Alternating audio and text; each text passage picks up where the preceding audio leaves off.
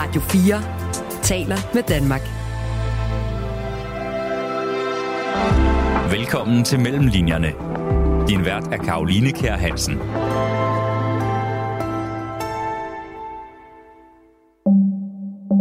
Jeg bevæger mig ind i noget af det værst tænkelige, som nogle mennesker kan finde på. Og det synes jeg kan være svært. Psykolog og forfatter Florence McLean er aktuel med bogen Ondskabens Psykologi, der giver et indblik i, hvorfor nogle mennesker ender som seriemordere. Stort set alle de seriemordere, jeg har undersøgt, har historier af isolation. Arbejdet med bogen udspringer fra en tro på, at vi som samfund kan forebygge seriemord. Jeg vil ikke sige, at den eneste, men jeg er nok en af de få, som faktisk forsøger på at forstå de her mennesker her. Og bogen, den bygger blandt andet på interviews med 34 seriemordere. Det er ikke bare noget, jeg gør øh, uden at, at have noget bag mig. Velkommen til Mellem Linjerne. Jeg hedder Karoline Kjær Hansen.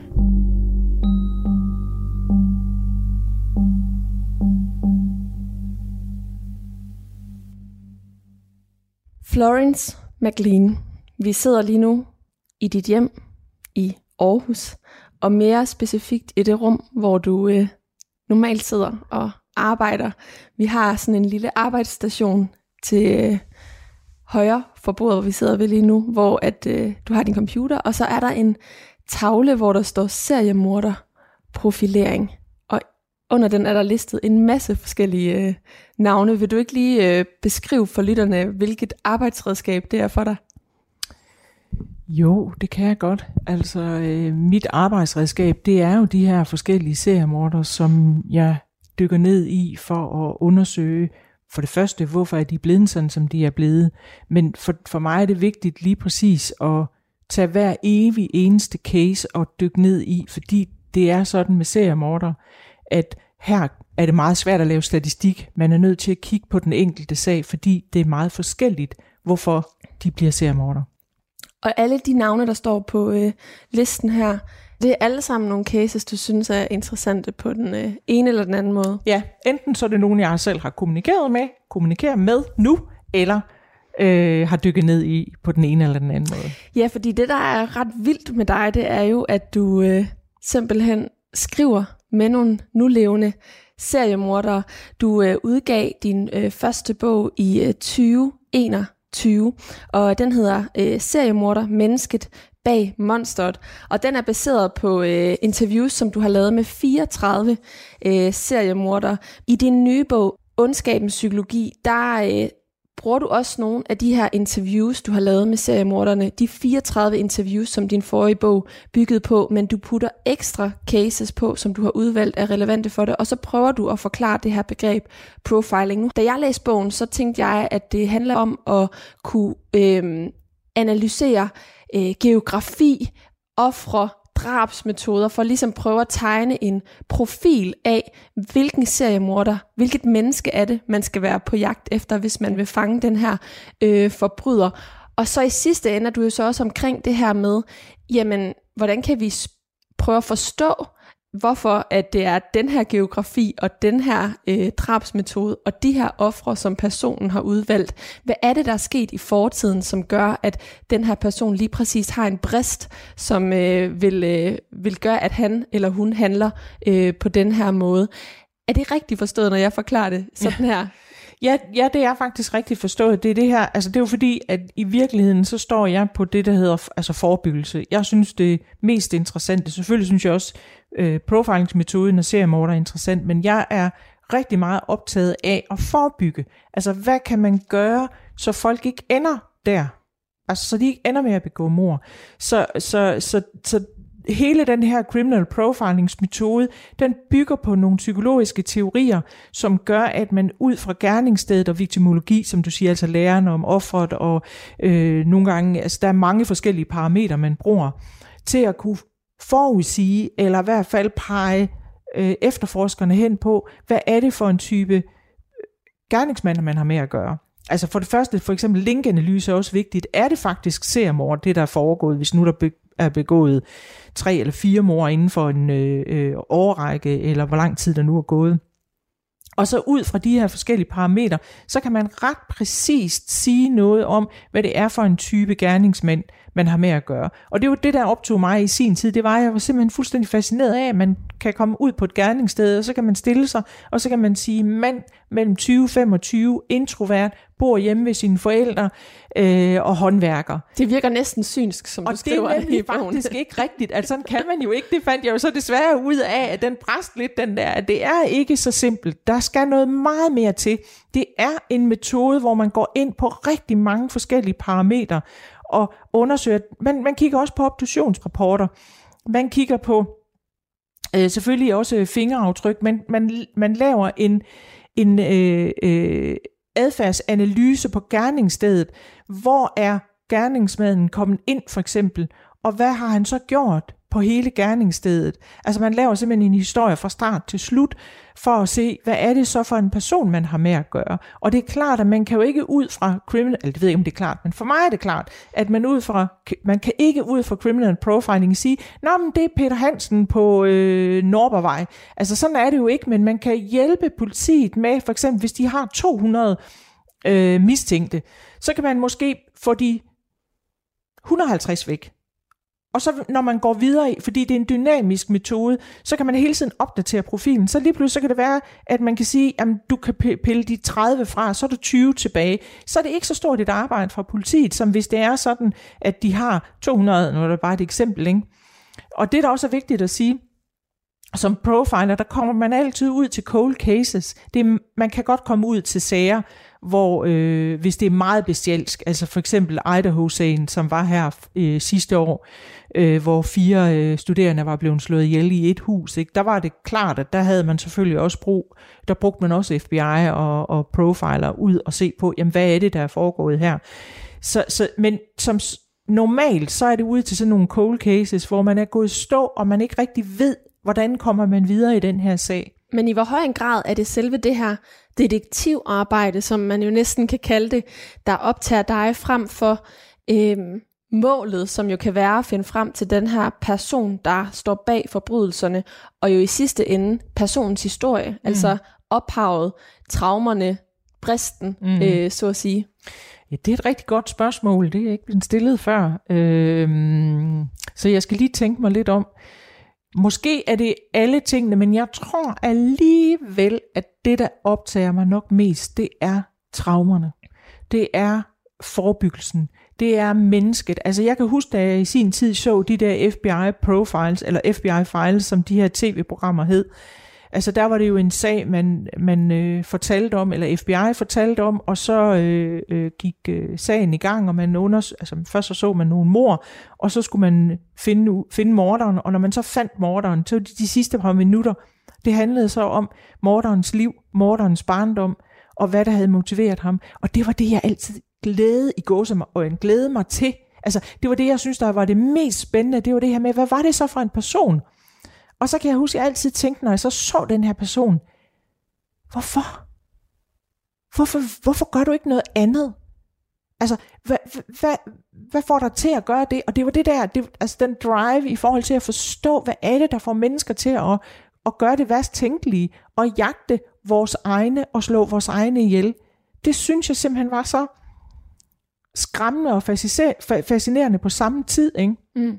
Og den jagt øh, efter de her, efter forståelsen af menneskenes historie øh, er du jo stadig på. Mm. Du er aktuel med øh, Ondskabens Psykologi, som udkom den 10. maj, og det er som sagt opfølgeren til din øh, første bog, der bygger på 34 øh, interviews.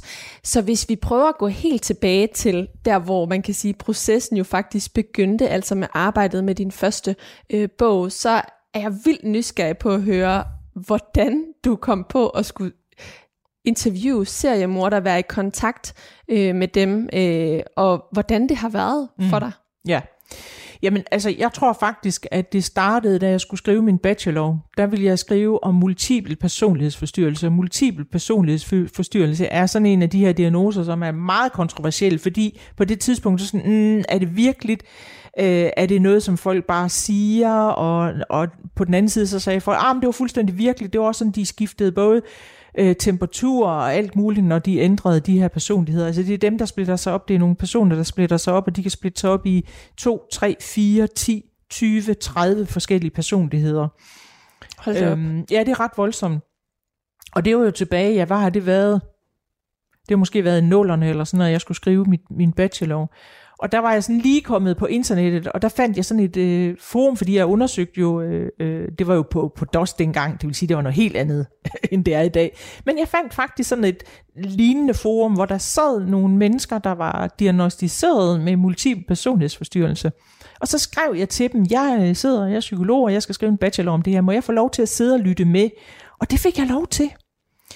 Og jeg var fuldstændig benovet over, for det første, jeg fik lov til bare at lytte på, men også det her med, der er så stor forskel på at læse om min lidelse, og så være der og høre på, hvordan det var for dem. Altså de fortalte, og nogle de så ændrede de, så var de lige pludselig Louise på syv, og så var de Per på fem, altså de skiftede jo også fra mand til kvinde, ikke?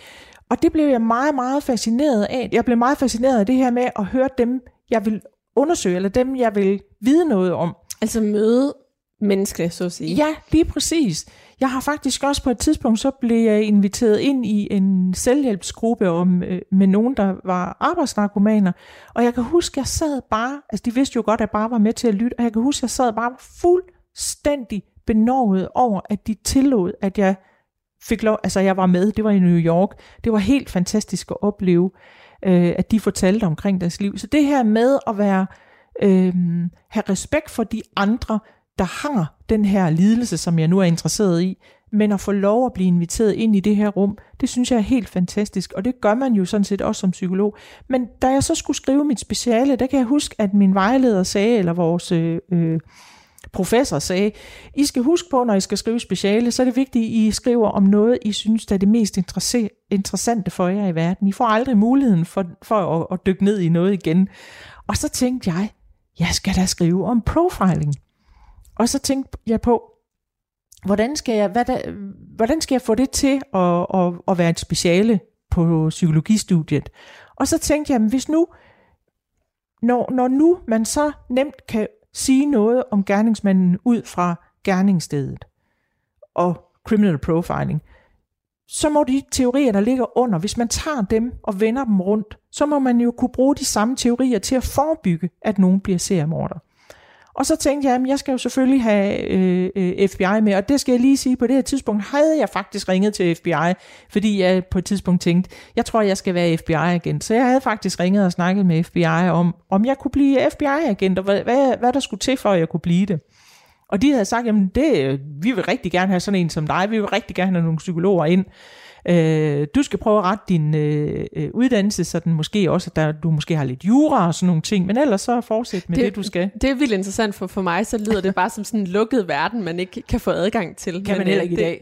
Det kunne man, det dengang. Kunne man dengang. Ja. Okay, tiderne ja. er skiftet. Ja, altså jeg har hørt, at i dag, der bliver du sendt rundt i et system. Altså sådan var det slet ikke dengang. Nej. Der ringede jeg op, og der snakkede jeg med en, og en rigtig, rigtig sød øh, person, der bare sagde, nu skal du høre her, sådan og sådan.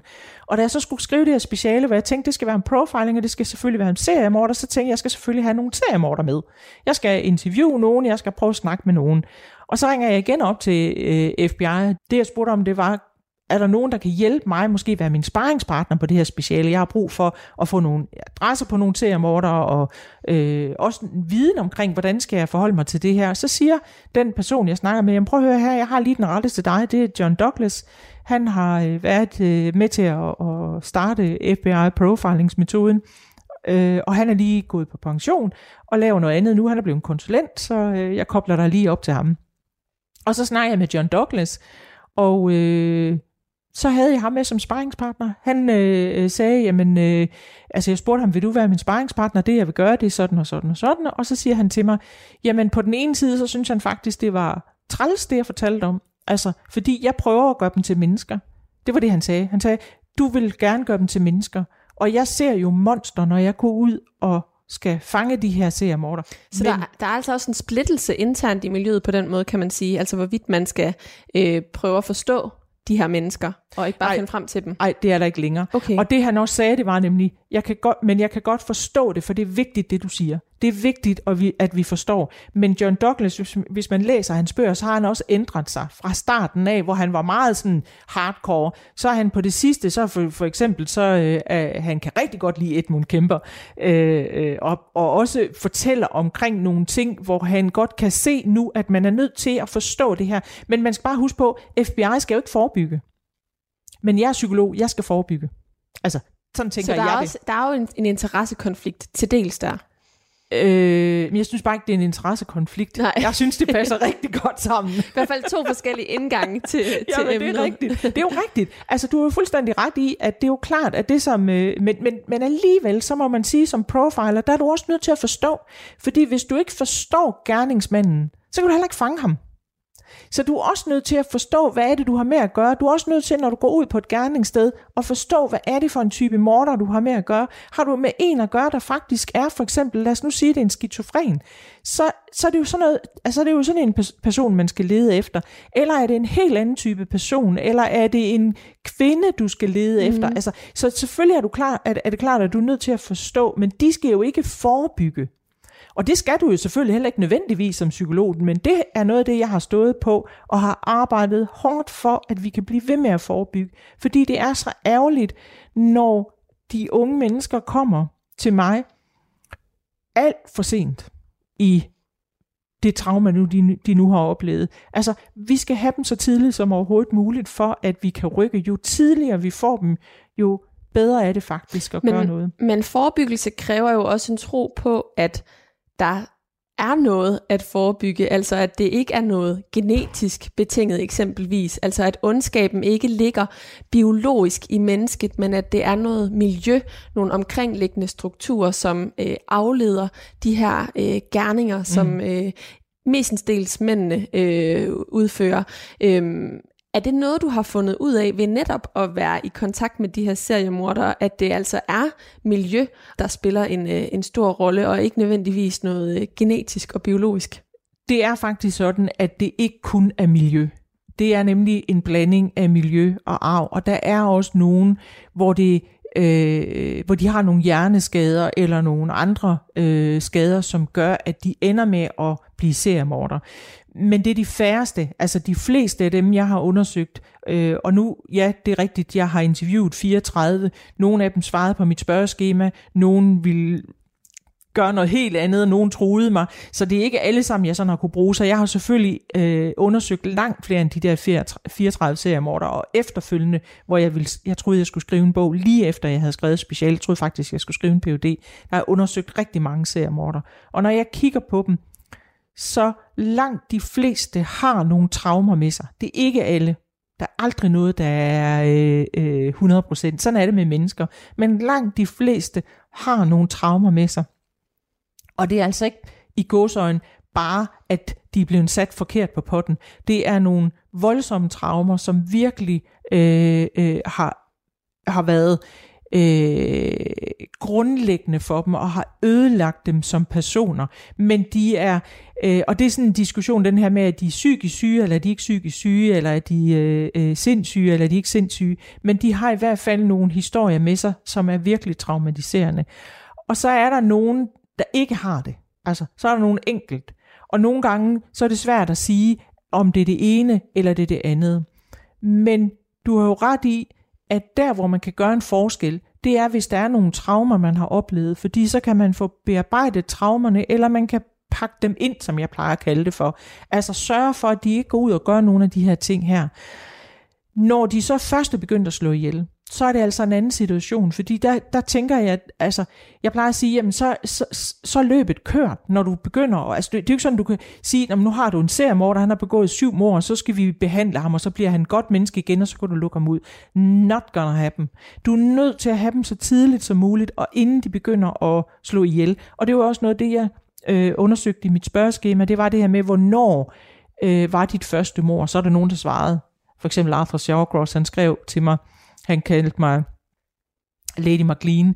Han sagde, Dear Lady McLean, I can't tell you that. Altså, kære Florence McLean eller Lady McLean, det kan jeg selvfølgelig ikke fortælle dig. Øh, og det betyder så, at øh, så kan man jo så tænke, hvad man vil omkring det her, men det var det, der var min pointe det var at finde dem, inden de begår det første mor. Og det er vi jo faktisk relativt gode til i Danmark. Der er mm. i hvert fald ikke så mange øh, danske eksempler med i din bog. Det er hovedsageligt øh, øh, udenlandske eksempler. Vi hører om rigtig mm. mange forskellige cases. Det er for eksempel The Backpack Killer, som mm. dræbte unge backpackere, der tomlede i øh, Australien. Vi hører også om The Eyeball Killer, som efterlod sine ofre i Texas i USA uden øjne. Grunden til, at vi ikke har de her danske eksempler, det er fordi, vi faktisk er relativt gode til at opspore de her adfærdsmønstre blandt børnene øh, tidligt. Er det ikke rigtigt forstået? Jo, det, altså, det er jo det, jeg har gjort igennem de sidste 20 år, været med til i hvert fald. Jeg har arbejdet i PPR, i øh, Struer, i øh, øh, Hørning og Skanderborg øh, i starten af min karriere. Og, og, og pædagoger og læger og øh, andre folk er faktisk ret gode til at udspotte de her øh, øh, børn her. Man kan altid blive bedre, det er helt sikkert, men der er ingen tvivl om, at vi får faktisk opdaget rigtig mange af dem, og hvis vi ikke får dem opdaget, fordi det sker jo, altså hvis du kigger på de danske mor, der er, så er der altså nogle af dem, de har nogle profiler, som minder om seriemorder, men de er bare ikke blevet det, fordi politiet har været gode til at fange dem ved det første mor. Altså, der er nogen, øh, morder, som jeg tænker, jamen havde de boet i USA og ikke var blevet, eller dan, danskere ikke havde opsnappet dem, for sådan er det altså. Nogle gange så er der mm. jo mhm. også nogle situationer, hvor politiet ikke får opdaget, eller ikke får fanget morderen øh, fra starten af, hvis man er rigtig heldig som gerningsmand. Så, kan, så er risikoen jo, at de kan gå ud og gøre det igen. Så det er godt politiarbejde sammen med godt socialt arbejde, hvor man får opdaget, at der er nogle af de her børn her, der mistrives. Men jeg oplever gentagende gange, at børn og unge er gået over længere tid og blevet misrygtet på den ene eller den anden måde. Det kan være seksuel overgreb, det kan være voldtægt, det kan være, øh, øh, hvad hedder det, grænseoverskridende adfærd, det kan være ret meget voldsom mobning og især isolation i barndommen. Og det er det, vi ikke er så gode til at opdage, fordi det, der tit sker, det er, de børn, der sådan er overaktive og hopper op og ned på stolen og hænger i gardinerne, som jeg siger, dem har man jo en tendens til ret hurtigt at tage sig af, fordi de forstyrrer i klassen. Dem, der sidder nede bag i og ingenting siger, dem overser man rigtig tit. Og når jeg kigger på de seriemorder, eller for øvrigt i det hele taget også bare morder i Danmark, der er der rigtig mange af dem, der har historier af, at de har været stille, indadvendt, lukket inde, især når du ser på, på skoleskyder eller massemorder. Og det er så åndssvært at kalde dem skoleskyder, fordi det er langt fra alle sammen, der skyder. Øh, men, men de har historier af, at de er blevet overset, de er blevet isoleret, der er ingen, der vil være sammen med dem. Og det er vi ikke gode nok til at opdage. Jeg kan huske øh, i mit arbejde som øh, øh, psykolog i skolerne, der kan jeg huske, der er flere af de her børn, der har sagt til mig, der er blevet mobbet, hvor de siger, prøv at høre her, du må ikke få den der mobning til at stoppe, fordi jeg vil hellere mobbes, end at isolere. Hold da op. Førhen, der blev jeg isoleret, der var ingen, der snakkede til mig, der var ingen, der ville være sammen med mig. Nu i det mindste, der griner de af mig, og så kan jeg grine med og lave sjov. Jeg vil langt hellere mobbes, end at jeg vil øh, isoleres. Og det er trist. Det er rigtig, rigtig trist. Men det er sådan, vi mennesker, vi er. Vi vil hellere være inde i gruppen som jokeren, eller som den, der bliver øh, hakket på hele tiden, end at være uden for selskabet. Fordi dem der med at være uden for gruppen, det er ens betydende med at dø. Vores nervesystem kan ikke tåle at være udenfor, og det har rigtig mange, stort set alle de seriemorder, jeg har undersøgt, har historier af isolation. Meget tankevækkende. Du lytter til Mellemlinjerne på Radio 4. Florence McLean, vi sidder lige nu i dit øh, hjem, hvor du også sidder og arbejder og har skrevet din øh, nye bog, Ondskabens øh, Psykologi. Og øh, vi har udsyn til den her tavle med øh, navne på øh, flere af de cases, som er med i øh, bogen her. Den bygger både på de her 34 interviews, som du har lavet med øh, seriemordere, men du har også tilføjet øh, andre cases for ligesom at kunne øh, beskrive, øh, hvad det er, hvordan man kan finde frem til de her mennesker, og hvorfor de øh, handler øh, som øh, de gør. Vil du ikke fortælle lidt om, hvordan du har udvalgt de cases, som er med i øh, bogen? Altså, øh, mm. hvilke, det kan vel umuligt kun have været fællestræk, der har, øh, har været tilfældet, men der må have været en udvalgelsesproces. Der er selvfølgelig en grund til, at øh, nogle af de cases er med, og nogle af dem, eller alle sammen, de er valgt ud, fordi jeg kender dem indgående. Så nogle af dem, øh, altså, øh, dem har jeg simpelthen øh, studeret på den ene eller den anden måde, og, og, og grunden til, at jeg sådan bliver lidt vævende, det er jo fordi, at nogle af de seriemorder, som jeg har haft med i min undersøgelse, kan jeg jo ikke nævne, så det kan jeg jo ikke sige. Men, øh, men nogle af dem, der har jeg simpelthen for eksempel set hele retssagen, øh, hvor hele retssagen er filmet. Det kan være 50-60 timers øh, retssager, hvor man går igennem alle vidnerne, alle øh, erklæringerne. Øh, nogle af, af sagerne, der er for, for eksempel Danny Rowling, som jeg simpelthen har gennemgået sammen med Mark Zarek, som også er gammel FBI-agent, som var min lærer på øh, øh, min master nu her. Så den har vi simpelthen siddet og nitpikket, og jeg har set gerningsstedsbilleder, øh, og det har jeg med dem alle sammen. Så, så det er nogen, jeg kender indgående. Og det er jo det, der er vigtigt at sige, fordi nogle gange så er jeg ude og holde en masse foredrag, så er der nogen, der sådan kan sige til mig, jamen det der, det er ikke rigtigt, det var kun sådan og sådan, fordi det står på Wikipedia, hvor jeg siger, mm, altså min information, den kommer ikke fra Wikipedia, fordi det er faktisk ikke altid rigtigt, det der står, og der er mange øh, fejloplysninger, og det er fair nok, fordi folk ved ikke, hvad de snakker om nogle gange, og, og så kommer der jo også forskellige ting. Altså, nogle gange så ved man ikke, er det et mor, der er begået, eller er det to, eller er det fire, eller er det otte. Det kommer an på, hvor man læser henne, ikke? eller hvad man tager med i sin øh, øh, opgørelse. Så det er alle sammen nogen, jeg har et indgående kends, kendskab til, altså deres sager. Og har du nogle sager, som du er mere fascineret af end andre, eller øhm, har, øh, har en eller anden form for særlig øh, relation til?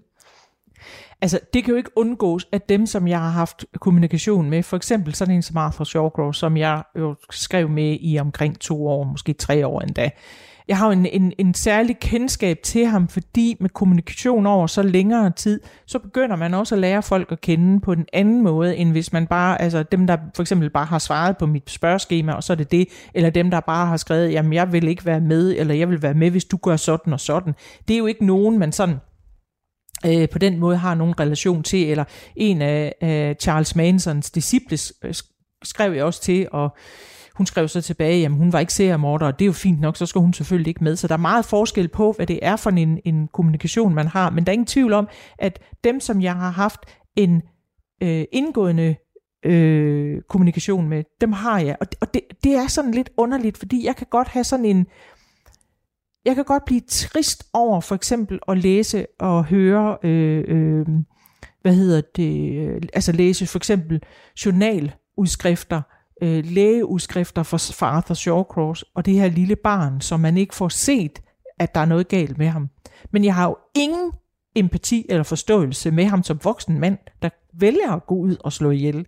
Men hvordan kan du holde det adskilt på den måde? Altså, ja. øh, fordi når du netop har skrevet med ham så længe, øh, så er det jo også nærliggende at få dit eget billede og syn på ham, altså billedet af ham og syn på ham. Øh, lave din egen øh, fortolkning, så der må også, øh, det må også kræve noget af dig at kunne holde det ud i, øh, i strakt arm. arm. Jamen det tror jeg også, det gør, og jeg tror, det, det, det tror jeg heller ikke, man bare kan gøre. Jeg tænker, at øh, jeg kan jo se, at øh, jeg har nemmere ved det i dag, end jeg havde tilbage, da jeg startede. Jeg, jeg tænker, da jeg lavede øh, øh, specialet i sin tid, og skrev øh, til de her seriemorder, der holdt jeg meget fast i, det her er en videnskabelig, ja, det skrev jeg tusind gange til dem, det her er en videnskabelig undersøgelse, og derfor får du ikke nogen billeder af mig. Det her er en videnskabelig undersøgelse, derfor får du ikke vide, om jeg er gift eller har børn. Og det var sådan min måde at holde dem væk fra mig selv på. Nu her, hvor jeg igen har taget kontakt til nogle af dem, jeg havde kontakt til førhen, øh, for at høre, om jeg må bruge deres navn for eksempel, eller til nogle nye seriemorder, der er det noget anderledes. For det første, så kan de, de har jo selvfølgelig, de har jo også internetadgang. Øh, de kan jo ikke sidde og surfe på internettet, men de kan jo for eksempel slå nogle forskellige ting op, og så kan de jo se, hvem jeg er. Det kunne man jo ikke, da jeg skrev i sin tid. Det var ikke sådan, at man bare kunne Google Florence McLean, så kom der et navn op, eller kom et billede op. Så, så, så, så tiderne har ændret sig. Plus i dag vil jeg jo gerne have dem med i mine bøger. Det vil sige, det er ikke en, øh, øh, det, det er ikke en fortrolig undersøgelse. For eksempel øh, Dennis Rader, som øh, har skrevet til mig, han er i gang med at svare på mit spørgeskema, som jeg sendte ud i sin tid jamen der er jeg jo nødt til at sige til ham, jeg kan, jeg kan ikke sige til ham, det her det er en fortrolig øh, undersøgelse, og, og jeg er nødt til at gå med på sådan den der pseudo-tilknytning, som, som han er i gang med at lave, og som jeg jo så også er i gang med at lave. Ja, så for det, der er også noget på spil for dig jo. Ja, det er der, og det er det, der er blevet anderledes, ikke? Øh, for det første, og så, så for det andet, så skal jeg jo stadigvæk holde den her distance, fordi der er noget professionelt i det, jeg gør. Det er ikke, fordi vi skal være pennevenner. Det er ikke det, det handler om overhovedet ikke. Jeg er ikke pennevenner med dem. Men jeg kan jo godt se, nu skal man huske på, at da vi skrev sammen i sin tid, det er jo det, der også er problemet, det er, at, at faktisk så ved jeg ikke præcis, hvor mange jeg har skrevet med, og det kan lyde mærkeligt, men det er jo fordi, tingene er væk. Altså, jeg har brevene øh, øh, fra seriemorderen, de blev så lagt ned i kælderen, og så var der en øh, rotte, der lavede øh, redde ud af det og tissede på det hele. Ja, det er også min dagbøger, det var faktisk rigtig trist. ja, Uheldigt. og også John Douglas spillede. Nå, men, men, men det er jo selvfølgelig... Det, det, så jeg har, ikke, jeg har ikke de informationer. Plus, når man sender et brev afsted, så tager man jo ikke et kopi af sit eget brev, og så sender det afsted. Men dengang jeg så skulle spørge omkring, om jeg måtte bruge deres... Øh, øh, navne i min, min øh, bog, jeg skulle udgive, det var så i 2005, der gjorde jeg det, at jeg øh, øh, tog en kopi af det brev, jeg sendte til Arthur Shawcross. Og der var jeg faktisk, da jeg, læ- jeg, jeg fandt det så for et stykke tid siden, jeg kiggede jo igennem, da jeg skulle lave min første bog, og så fandt jeg faktisk det her brev, faktisk nogle år efter, eller et år efter, jeg havde udgivet en bogen, så fandt jeg mit eget brev. Og ved du hvad, så var jeg faktisk ret overrasket over, hvor flink jeg var. Det var sådan noget med, uh, Dear Mr. Shawcross, jeg er altid venlig og flink, og tak for dit brev. Hvordan går det med din sorg? Han var åbenbart blevet overfaldet i fængslet, og så spørger jeg, hvordan går det med din sorg? Og hvad med de der, han havde sådan nogle potteplanter, han dyrkede sådan noget øh, potteplante et eller andet, øh, plante et eller andet kultur. Hvordan går det med det? Og sådan og sådan. Jeg var simpelthen så flink. Så jeg kan jo godt se, at det, jeg har så har givet, ikke, det er den her øh, almindelige, flinke menneske. Men jeg gav ikke noget af mig selv. Jeg sagde ikke noget om mig selv. Men jeg var meget, meget øh, sød og venlig. Mm. Og det kan jeg godt huske, jeg var. Men jeg var alligevel lidt overrasket over, da jeg læste brevet, mm. øh, hvor, hvor flink jeg var. Jeg tror, det handler om teknik. Altså det her med at vide, at nu har du en faglighed, og det er det, du gør. Jeg bruger ikke mig selv på den måde, og det gør jeg faktisk heller ikke i dag. Så selvom jeg vil noget med, med dem, jeg skriver med i dag, så bruger jeg ikke mig selv på samme måde, som man ville gøre, hvis man skulle have en eller anden tilknytning til nogen andre, eller en klient for den sags skyld. Jo, måske, jo, måske er det det samme som en klient, fordi som psykolog, der snakker jeg heller ikke om mig selv. Det handler aldrig nogensinde om mig selv. Det var faktisk også det, der var lidt svært ved, da jeg skulle til at, og i, øh, i tv omkring øh, det her med, jeg tror det var den første, jeg, jeg lavede, det var når kvinder, nej, når mænd slår kvinder ihjel. Det var en lang diskussion med mig selv og min familie faktisk, om jeg skulle gøre det eller ikke skulle gøre det. Fordi som psykolog, der sidder du jo bag din psykologkasket, og jeg snakker aldrig om mig selv. Jeg, selvom jeg spejler ting tilbage, og nogle gange kan de jo godt spørge, især unge mennesker, de kan jo godt være interesserede i at, at, at spørge mig om noget, men det glæder jeg jo af på. Jeg har aldrig nogensinde fortalt de unge mennesker, at jeg havde et skolen. Men til gengæld, så har jeg, sagt, så har jeg kigget dem i øjnene og sagt, hvor kan jeg godt forstå, at du ikke kan lide at gå i skole. Og det har jo, de kunne mærke, nok har rummet noget dybere, fordi der har været en mening, altså at det, sådan havde jeg det også selv. Men jeg har jo aldrig sagt til dem, gud, jeg kunne heller ikke lide at gå i skole. Jeg blev sgu også smidt ud i skolen, dengang jeg gik i 8. klasse. Det, det gør man ikke som psykolog overhovedet ikke. Så når jeg nu begyndte at gå i medierne, så vidste jeg jo godt, at psykologskatten blev revet af, ikke? og Florence kom mere frem. Og det har faktisk været grænseoverskridende for mig på mange måder, og jeg er bare nødt til at vende mig til, at folk jo læser noget, og så forholder de sig til det, hvor de også selvfølgelig projicerer sig selv ind i det, og har en forståelse, som de nu har. Jeg kan jo ikke være den, der skal sådan rette på dem og sige, jamen det er, men jeg bliver overrasket. Mm. Men grunden til, at du jo er ind i den situation, er fordi, at du også bliver brugt som ekspert mm. øh, i mange forskellige medier. Ja. Blandt andet DR's True Crime dokumentarserier. Øh, senest sæson 4 af Danske Mor, øh, og du har også været vært på Discovery True Crime-serien For Farlig øh, til Frihed og medvirket i diverse øh, podcasts. Og det er jo klart, at øh, når man øh, blander sig i debatten, mm. så, øh, så stiller man sig på en eller anden måde til skue, og folk de har øh, holdninger, og der er jo en hvid debat om det her for tiden, og hvorvidt det er i orden, at de er der eller ej. Men det er i hvert fald et faktum, at øh, folk de fortolker på, øh, på ens medvirken og kan øh, reagere øh, på det øh, også. Men når nogen måske reagerer særligt på din medvirken i det her emne, er det jo fordi, at det er så det er jo så vildt et emne på mange måder. Altså, øh, en ting er jo, at du sammenligner den måde, du har skrevet med de her seriemordere på, som når du, er, når du har klienter. Men en anden ting er vel også, at jeg tænker, at du her kan altså sætte dig selv i fare potentielt set. Altså, det er jo grumme, grumme historier. Øh, nogle af de her mennesker har jo altså 70 lige på, øh, på, øh, på samvittigheden da jeg læste den her bog, blev jeg nærmest bange for at gå ud af min mm. egen hoveddør efterfølgende, fordi det er så vilde øh, historier, så det er nærliggende at tænke, at det også er en særlig situation for dig, netop med det her emne, fordi at du jo også har din egen sikkerhed, din families sikkerhed, øh, og at der godt kan være et, et ekstra lag i forhold til, øh, at øh, ja, den rolle, som du kommer til at spille i, øh, i samarbejdet med de her øh, seriemordere, hvis man altså kan gå så langt til overhovedet at kalde det et, mm. øh, et samarbejde. Øh, hvad for nogle tanker har du selv gjort dig omkring det med, at de det er så voldsomme mm. historier, øh, yeah. du dykker ned i, og mennesker, der har gjort så voldsomme forbrydelser mm. i det her tilfælde. Øh, det var jo det første, jeg spurgte FBI om. Det var, jamen, hvordan er min sikkerhed i forhold til, at jeg skal skrive med de her seriemorder? Og der sagde de til mig, jamen, det var faktisk John Douglas, jeg snakkede med. Han sagde, prøv at høre, Florence, de her seriemorder har en killelist, som er så lang, så hvis den er på 100 personer, så er du 101 du vil aldrig være interessant for dem at øh, slå ihjel, fordi på en måde, så er du noget helt andet. Altså seriemorder slår jo noget, altså øh, det de gør, det er, at det kommer inden fra dem selv. Altså deres mor kommer inden fra dem selv og ud, og det vil sige, du kan for det første aldrig vide, hvem de ville slå ihjel, det er den ene ting, men jeg vil aldrig nogensinde være den første, øh, øh, det første øh, offer, de, de, de tænker på. Og hvis de ville gøre det, Jamen, så skal de først lige ud af fængsel, og så skal de lige over grænsen, og så skal de lige til Danmark. Øh, og hvis jeg, hvis jeg tænkte sådan, som du siger der, jamen, så vil jeg ikke gøre det, jeg gør. Øh, jeg, sådan tænker jeg det overhovedet ikke. Jeg tænker det tværtimod, fordi jeg tror, at hvis du ser på det generelt, så er jeg nok, jeg vil ikke sige, at den eneste, men jeg er nok en af de få, som faktisk forsøger på at forstå de her mennesker her jeg prøver at undersøge, hvad er årsagen til, at de er blevet sådan, som de er blevet.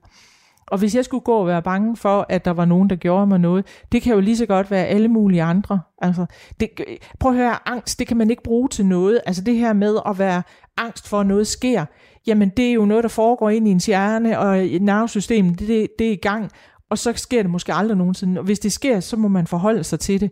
Men, men det er jo, jeg tænker også, det er derfor, jeg kan gøre det. Jeg tænker, hvis jeg tænkte det anderledes, så kunne jeg ikke gøre det, jeg gør. Mm. Nej, fordi... Og det er faktisk vigtigt at sige, fordi der er mange, der sådan siger, Nå, jamen, det kunne jeg jo godt tænke mig at kommunikere med de her personer, og det må da være spændende og interessant. Og der har det bare sådan, prøv at høre, det er ikke for hvem som helst det her. Det er vigtigt at sige, at du bevæger dig ind i et område, som er virkelig ikke bare lige til at gå til. Og selv den dag i dag, der har jeg der stadigvæk nogen med, i, i min, øh, på min sidelinje. Jeg, går, jeg, er ikke, jeg kontakter dem ikke bare, og så er det mig, der kører hele showet. Jeg har der hele tiden, jeg havde hele tiden John Douglas med, jeg havde hele tiden FBI med i forhold til det, jeg gjorde i sin tid. Og i dag, det er ikke bare noget, jeg gør, øh, uden at, at have noget bag mig. Og det er vigtigt, synes jeg. Ja, men, men, men du får stadig et indblik i noget af det mest grumme ja, ja. i, øh, i verden, og det er jo noget, der kan ske anytime, any ja, day, anywhere. Ja, og den bevidsthed, altså, øh, må også være tung at øh, træde, træde rundt med. Det er fuldstændig rigtigt, men der er større risiko for at blive kørt ned. Der er så kan man også meget, se det. meget større risiko for at blive kørt ned. Øh, og det er jo det samme som, hvad er det, vi er angste for? Vi er angste for æderkopper. Vi er angste for slanger. Men er der nogen, der er angst for biler? Nej. Hvad er risikoen for at blive slå, slået ihjel af en æderkop eller en slange? I Danmark lige nul. Hvad er risikoen for at blive slået ihjel af en bil? Den er ret stor. Mm. Så angst er noget, der foregår inde i vores hjerner, og det er noget fiktivt, eller noget, vi er bange for, der kan ske. Og det er selvfølgelig meget fornuftigt i forhold til vores nervesystem, og hvordan det har været engang, at det var slanger og æderkopper.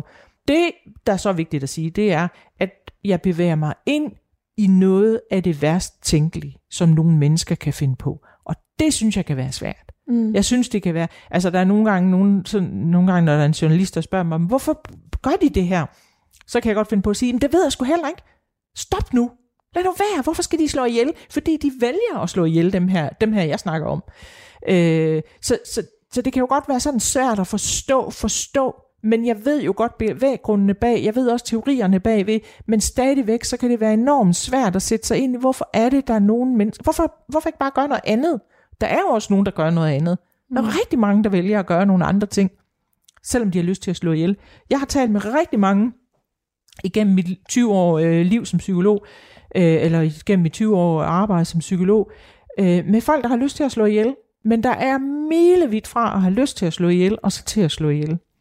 Men jeg tror simpelthen ikke, hvis man begynder at sidde og er bange for seriemorder, jamen så er det jo ikke det, man skal gøre. Man er jo nødt til at øh, øh, se dem på en anden måde en, jeg ser dem ikke som nogen, der vil gøre mig noget. Og jeg ved godt, nogle af dem, de har jo lavet den der, øh, øh, jeg ved, hvor du bor, øh, trussel og sådan nogle ting.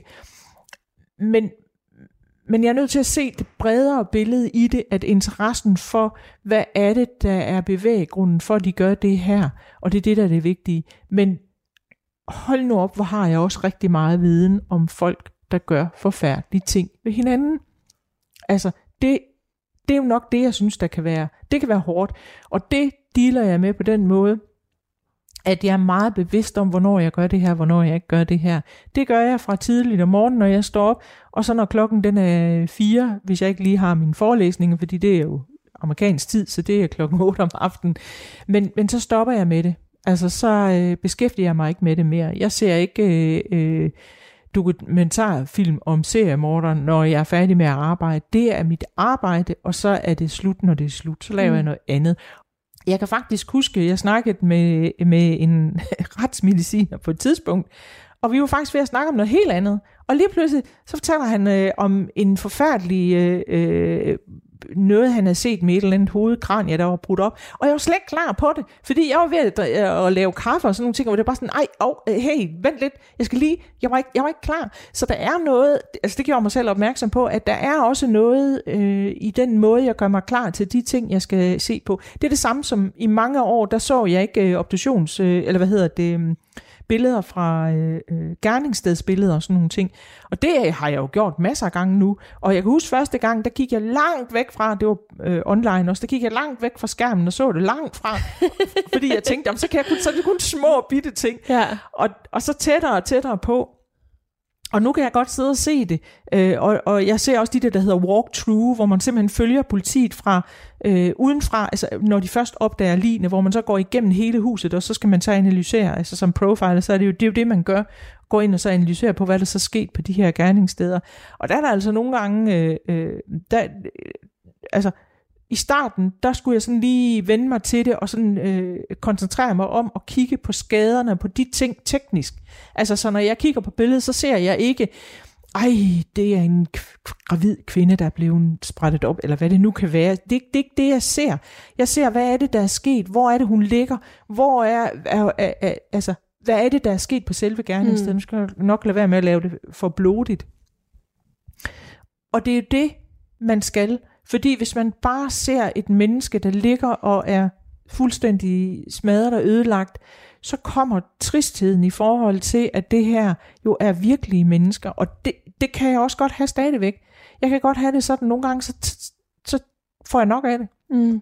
Og så tænker jeg, nu gider jeg simpelthen ikke høre om mennesker, der bliver maltrakteret på den ene og den anden måde. Men jeg har min egen indre måde, kan jeg mærke, og har jeg fundet ud af også, fordi jeg er blevet spurgt om det. Ikke? Men jeg har min egen indre måde, hvordan jeg kan ligesom øh, kope med det på.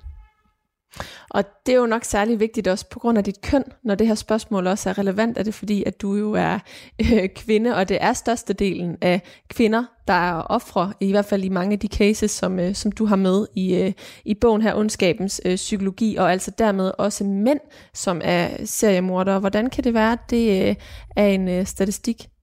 At det er flest mænd, øh, der begår de her øh, bestialske øh, seriemord. Ja. Jamen altså, det, og det er der jo flere grunde til. Øh, for det første, så øh, øh, når man begynder at kigge på kvinder, altså kvindelige seriemordere, mandlige seriemordere, så har kvinderne en anden måde at slå ihjel på. Det er jo oftest nogen, de kender, og det er ofte skiftmorder eller børn, de slår deres egen børn, altså tæt på.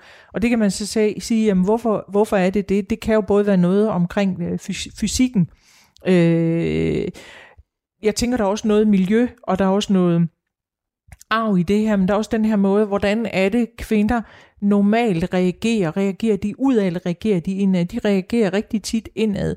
Det er selvfølgelig så at reagere udad, når du så slår nogen ihjel, der er tæt på, men, der, men det er ikke den samme måde at afreagere på, øh, storke sine, fordi det, det gør de fleste seriemorder, de storker jo deres offer, bruger meget lang tid på det, og så skal de jo have nogle kræfter til at holde det her, det her menneske fast. Ikke? Og man kan sige, at der er jo nogle kvinder, der har gjort det øh, igennem tiden. Men det kræver altså noget styrke, øh, fordi den, som de relaterer sig til, det er jo så det køn, de relaterer sig til seksuelt. Ikke? Altså det er kvinder, der heteroseksuelle kvinder, så er det kvinder. Det er også derfor, man ser en masse, der er faktisk rigtig mange øh, homoseksuelle mænd. Det er jo drenge, de slår ihjel, øh, eller mænd, de slår ihjel. Ikke? Og det kræver noget styrke, hvis en kvinde skal gå ud og, og øh, øh, få et offer med. Så der, hvor man ser kvinderne rigtig tit, det er de her killer couples, som jeg også har med. Og så er der jo nogle enkelte kvinder, som øh, når man så kigger på psykologien, så er der noget af det samme, men de er bestemt ikke i overtal. Det er de altså ikke. Mm. Og jeg ved godt, i bogen, der skriver jeg, at hvis øh, mænd og kvinder havde samme styrke, så tænkte, eller omvendt styrke, altså så det var kvinderne, så tænker jeg, så er der lige så mange øh, kvindelige seriemordere. Øh, og det, det, Altså, det er jo fordi, at der findes frygtelige kvinder. Kvinder er også ondskabsfulde og begår øh, onde handlinger og kan være grænseoverskridende og øh, alle de her forskellige ting, som man sætter på, manipulerende, som man sætter på mænd. Så det er ikke fordi kvinder ikke er sådan, men de går tit under radaren, fordi det er ikke det, vi tror. Vi tror simpelthen ikke på, at kvinder gør de her ting her. Så rigtig tit, så kan man, og det viser for eksempel også i den sag, jeg snakker om i min bog med Oana Barasses, at det er, politiet tror simpelthen ikke, det er en kvinde. Fordi det gør kvinder ikke. Kvinder skal passe på og sådan nogle ting, og det er ikke virkeligheden. Men du er bare nødt til at have styrken og drivet for at kan gøre de her ting her. Og der tænker jeg, at kvinder de viser sig øh, øh, på en anden, eller de afreagerer på en anden måde. Og der ser man dem altså rigtig tit i killerpar, øh, som for eksempel The Sunset Strip Killer, eller øh, The Schoolgirl Killer, øh, Kenneth Bjerring siger, nej ikke Kenneth Bjerring, men det er også en, en, en killer girl, men det er med en mand. Nej, jeg tænkte på øh, Carla Hamoka og Paul Bernardo. Øh, jeg har så mange seriemordere i hovedet, så jeg skal jo huske dem øh, fra hinanden. Du lytter til Mellemlinjerne på Radio 4. Florence McLean, vi sidder i dit hjem, hvor at der er den her tavle med en masse navne på seriemordere. Du har også lige nævnt øh, en del i forlængelse af hinanden lige øh, før. Hvilken sag er med dine briller den mest interessante sag, hvis der var én seriemorder-case, man skulle øh, fremhæve? Hvilken en ville det så være? Jeg tror, jeg vil sige, at jeg vil svare en forskellig for hver måned, du spurgte mig. Og hvis du spørger mig lige nu, så synes jeg faktisk, Danny Rowling, som er min nye bog, serien Scream, bygger faktisk på hans historie. Der er lige udkommet en ny.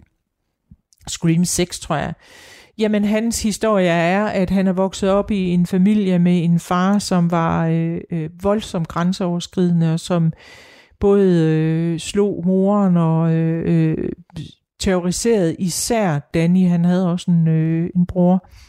Altså det var sådan noget med, hvis faren ikke synes, de trak vejret ordentligt, eller trak vejret for hårdt, eller for højt, eller smaskede, så blev de simpelthen slået ved bordet. Øh, moren øh, blev øh, jamen, faktisk både voldtaget og, og, og slået, og så siger øh, moren til, til drengene, de står og ser på det her, I ser det ikke, I, det sker ikke i virkeligheden, det er det er ikke virkeligheden. Det er sådan, altså, der var så mange, altså det var så forfærdeligt, og han, han skyder faktisk også sin far til, til sidst, han dør så ikke faren, men han, øh, han, han, han kan ikke, han prøver øh, selvmordsforsøg, og Danny Rowling er meget, meget forstyrret. Han forsøgte, altså hans kæreste har forsøgt på at øh, få ham til at, at, at gå, gå ind i psykiatrien og få noget hjælp. Men han turde faktisk ikke, for han var så bange for, at faren fik det at vide, og så ville han blive øh, straffet igen for det her. Så det var, det var en, det er en trist sag. Florence McLean, din bog, Ondskabens Psykologi, er din anden bog, som er opfølgeren til din første, der udkom i øh, 2021, og du er i gang med at fortsætte at uddanne dig, gør dig endnu mere øh, specialiseret inden for criminal øh, profiling. Du skriver stadig med nogle af de her øh, seriemorder. Hvad er det her afslutningsvis, du mangler at finde ud af, eller lære fra de her seriemorder? Ja, hvad er det, jeg mangler at lære? Det er faktisk et rigtig, rigtig godt spørgsmål. Og det er jo det, jeg ikke ved. Men hvis man ikke, altså, man ved ikke, hvad man ikke ved. Og jeg tror et eller andet sted, så tror jeg måske om 20, 30, 40, 50 år, hvis jorden stadigvæk er her, så tror jeg måske, vi kommer tættere på. Eller også kommer vi længere fra. Men du fortsætter det arbejdet og øh, skriveriet med seriemorderne. Det kan du tro, jeg gør. Der er ikke noget, der kan stoppe dig? Nej. Det, altså, jo, hvis jeg ikke synes, det er interessant mere, så det må, jeg. det må tiden vise, det må tiden om det vise. nogensinde øh, bliver tilfældet. Det er det. For nu, Florence, Florence McLean, tusind tak, fordi du ville øh, være med her i Mellem Linjerne på Radio 4 og fortælle om arbejdet med din nye bog, Ondskabens Psykologi. Tak for det. Også en stor tak til dig, som lyttede med. Ondskabens Psykologi er udgivet af forlaget Lindhardt og Ringhof. Og husk, at hvis du kunne lide, hvad du hørte, så kan du som altid finde mange flere forfattersamtaler, hvis du søger efter programmet her mellem linjerne i Radio 4's app eller der, hvor du plejer at lytte til podcasts. På genhør.